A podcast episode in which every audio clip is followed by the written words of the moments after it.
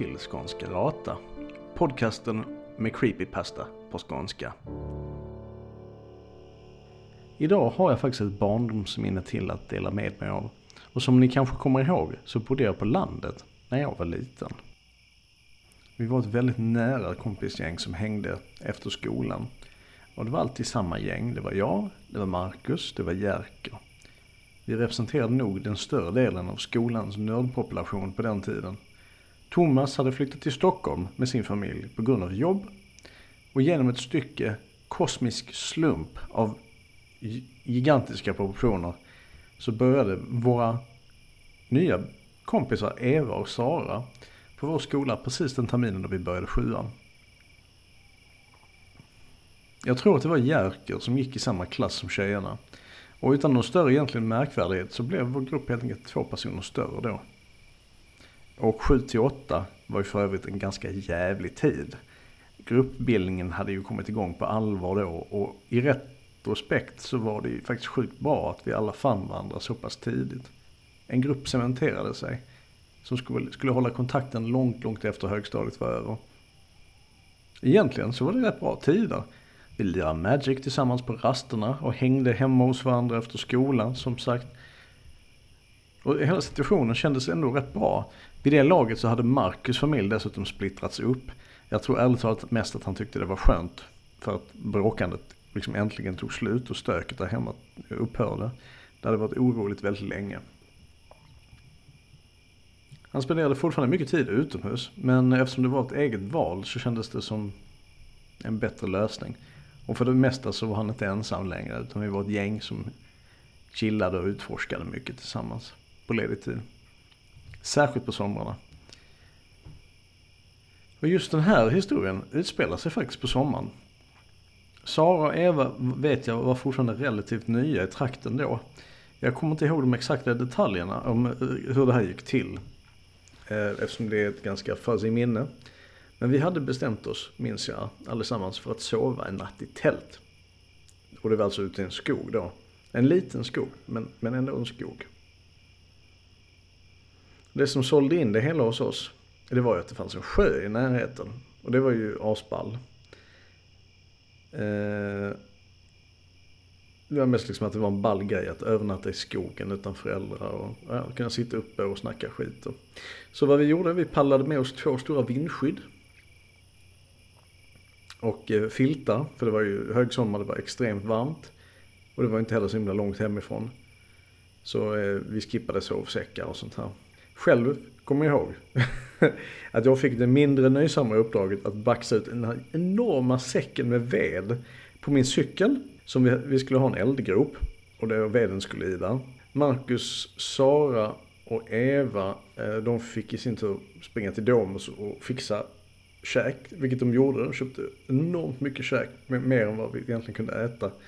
Och typ korv och potatissallad och chips och mera chips och läsk och ja, det var, det var verkligen, det är ett sjukt somrigt minne det här. Jag tror det var, jag tror det var Jerker som hade lånat ut vindskydden till oss för hans familj var rätt stora så här friluftsentusiaster. Ja, nej som sagt verkligen ursomrigt. Efter allting var installerat då så grävde vi eldgropen och fyllde den med ved och tände på.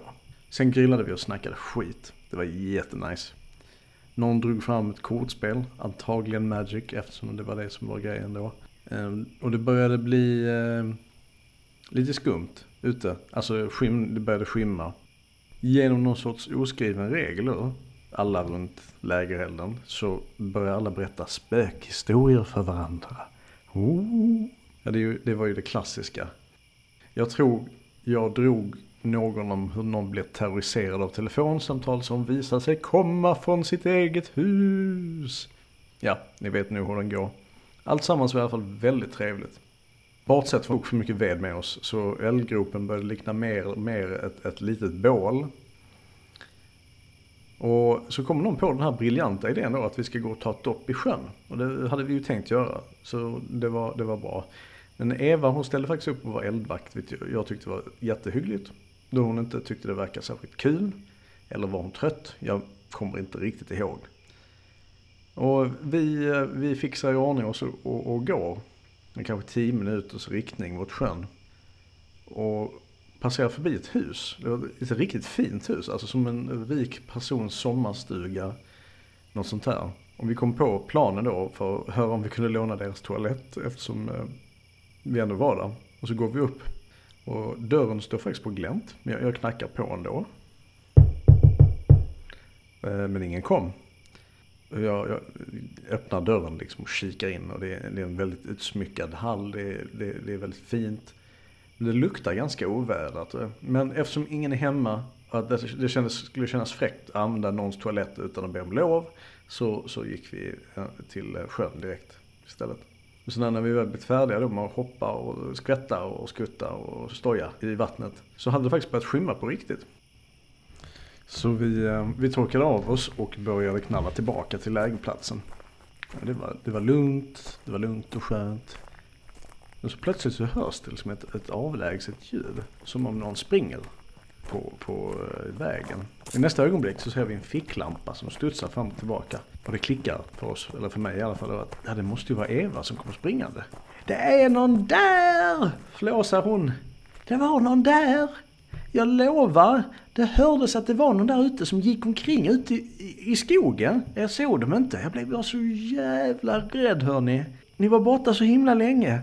Jag tänker, okej. Okay. Jag minns, jag minns att vi, vi tittade alla på varandra och var väl ändå ganska morska på den tiden. Jerker sa säkert något i stil med Vi är för sjuk fan som är ute och skrämmer folk så här dags. Eva lugnar ner sig lite medan Jerker fortsätter att svära och hitta på allt blodiga saker att göra med kräket.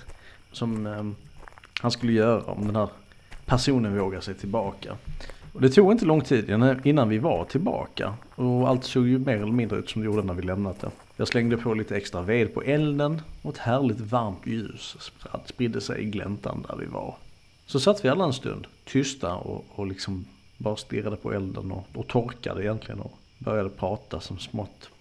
Jag tror vi, vi hade suttit där en bra stund då igen. Utan att höra någonting. Och började känna oss lagom såsiga efter dagen. Och sen så hörs det. Ja, det går inte att ta miste på att, att det är ljudet av, av grenar som bryts någonstans. Först en gång, sedan två, sen så fortsätter det. Och vid det här laget så är vi alla på helspänn. Jerker, han, han rusar upp och börjar febrilt rafsa i sin packning liksom. Och kommer upp med en stor jävla jaktkniv. Vad fan, vad är det för kniv du har med dig Jerker? väser Sara. Det är farsans, de har det i jaktlaget. Och man vet aldrig så noga. Ursäktade han. Det finns ju gott om användning för en kniv om man är ute i fält. Ja, ljudet hörs igen. Han har flyttat på sig nu. Men vid förfären så förstod jag då att det höll på att röra sig närmare hela tiden. Och jag, jag svek förtrycket då. Jag skäms lite för det, men inte jättemycket för det var väldigt obehagligt. Och till allas förfärelse ställer jag mig upp. Och så skriker jag Hörru, lägg av med att tassa omkring här! Ge dig av eller kom fram! Jerker, han, han ställer sig upp. Han också, till hans ära. Med bara lättdarrande ben. Och hytter med kniven liksom mot skogen i största allmänhet och skriker Kommer du inte ut så tar vi fram ficklamporna och kommer ut och plockar dig din sjuka jävel! Skrek han, aningen för hjält. Och det blev liksom bara knäpptyst efter det. En bra stund.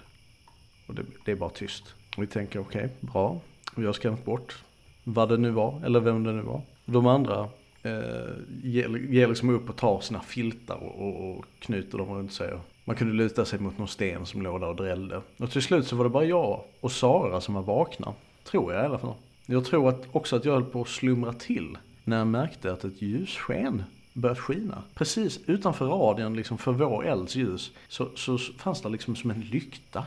Och den stod bara där. Eh, som att den som höll i lyktan, den bara stod och betraktade oss. Och jag hade fått nog. Så jag, jag drar upp min ficklampa, lyser rakt ut, samtidigt som jag hoppar upp och, och, och vrålar. Typ Aah! Ljuset landar i ansiktet på, på en gubbe. En gammal, gammal gubbe. Skrynklig och, och gammal. Och han skyler sig för ljuset och ryggar förskräckt tillbaka. Slå mig! Slå, slå mig inte! Snälla unga herrn, slå mig inte! Utbrast han. Nej, men det är klart jag inte ska slå dig, men, men vill du säga varför du smyger omkring och skrämmer livet ur oss? Ja, det, det var inte alls meningen. Jag har varit på marknad förstår ni och jag, jag, jag bor ju här i närheten. Jag såg att ni hade ställt upp läger precis längs med vägen. Jag visste ju inte vad det var för några ena. Och här kommer allt möjligt kreti och pleti igenom här ibland. Ja, vid det här laget så har resten av gänget vaknat och de kommer upp. De är lika förvånade som jag och kanske lite, eh, phew, det var bara en virrig gammal farbror som höll på att skrämma skiten ur oss. Ja, jag säger det för en fall del, ingen, ingen skada er själva, men, men snälla farbror. Skulle ni, skulle ni inte nästa gång kunna bara komma fram och hälsa? För vi, vi trodde att det var någon galen yxmördare här ute som låg och passade på oss. Jag förstår precis unge man, jag förstår precis. Jag ska inte störa. Jag måste hem till min fru, förstår ni? Det är redan på tok för sent. Ja, ja, självklart, självklart. Behöver farbror hjälp? Eh, vad sa ni att ni hette förresten? Eh, vi lär vara här till imorgon. Ifall ni behöver låna ett bättre lyse än vad ni har, säger jag och viftar med ficklampan. Ja, Hilding var namnet.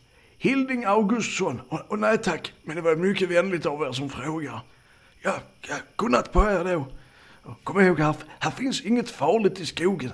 Inget alls, säger gubben och, och ler brett. Ja, här finns bara jag och min fru. Och med det så knallar gubben iväg på motsatt sida gläntan.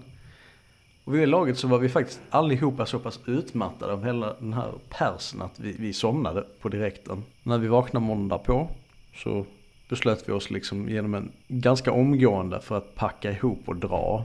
Och det här är en historia tänker ni som, som ja, oj det var visst bara det. Men det som får mig att komma ihåg hela grejen som mer än bara ett nostalgiskt sommarminne.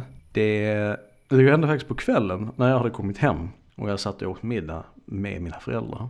Jag, jag berättar ju hela historien för dem liksom om, det, om huset, om lägerplats, om ja, vad vi höll på med. Och så den gamla farbrorn såklart. Så när jag berättar namnet för dem, där vid matbordet, så håller farbrorn på att sätta i halsen och han börjar gapskratta. Nej du, nu narrar du far din, säger han. Jag bara, nej vadå? Så pappa tittar menande på mamma och skakar på huvudet. Alltså huset du säger att ni besökte, jag vet väl lika bra som någon att det inte finns något kvar där ute. Det brann ju ner, det var när jag var liten. Hilding Augustsson, ja det var ju han som eh, ägde stället där. Både han och hans fru, de brann inne. Jag tycker det är rätt osmakligt ska jag säga. Egentligen, att, att, att berätta sagor om de döda på det här viset. Men ja, det var ju bra att ni hade trevligt i alla fall. Skrockade han. Och började ta undan disken. Ja. Så gick det. mm. Ja. Vi säger väl så. Hallå och tack för att ni har lyssnat på det här avsnittet av Skånsk Erata. Jag som producerar hela härligheten heter som vanligt Daniel Strömholm. Har ni kommentarer eller vill ge feedback? Gå då gärna in på skanskerata.wordpress.com eller ge en recension i iTunes. Känns det som att ni skulle vilja stödja podden med en kopp kaffe kanske? Då kan man gå in på www.patreon.com skanskarata. Musiken är som alltid Ghost Dance av Kevin MacLeod. Och med det så vill jag önska er alla en riktigt god kväll. Hej då!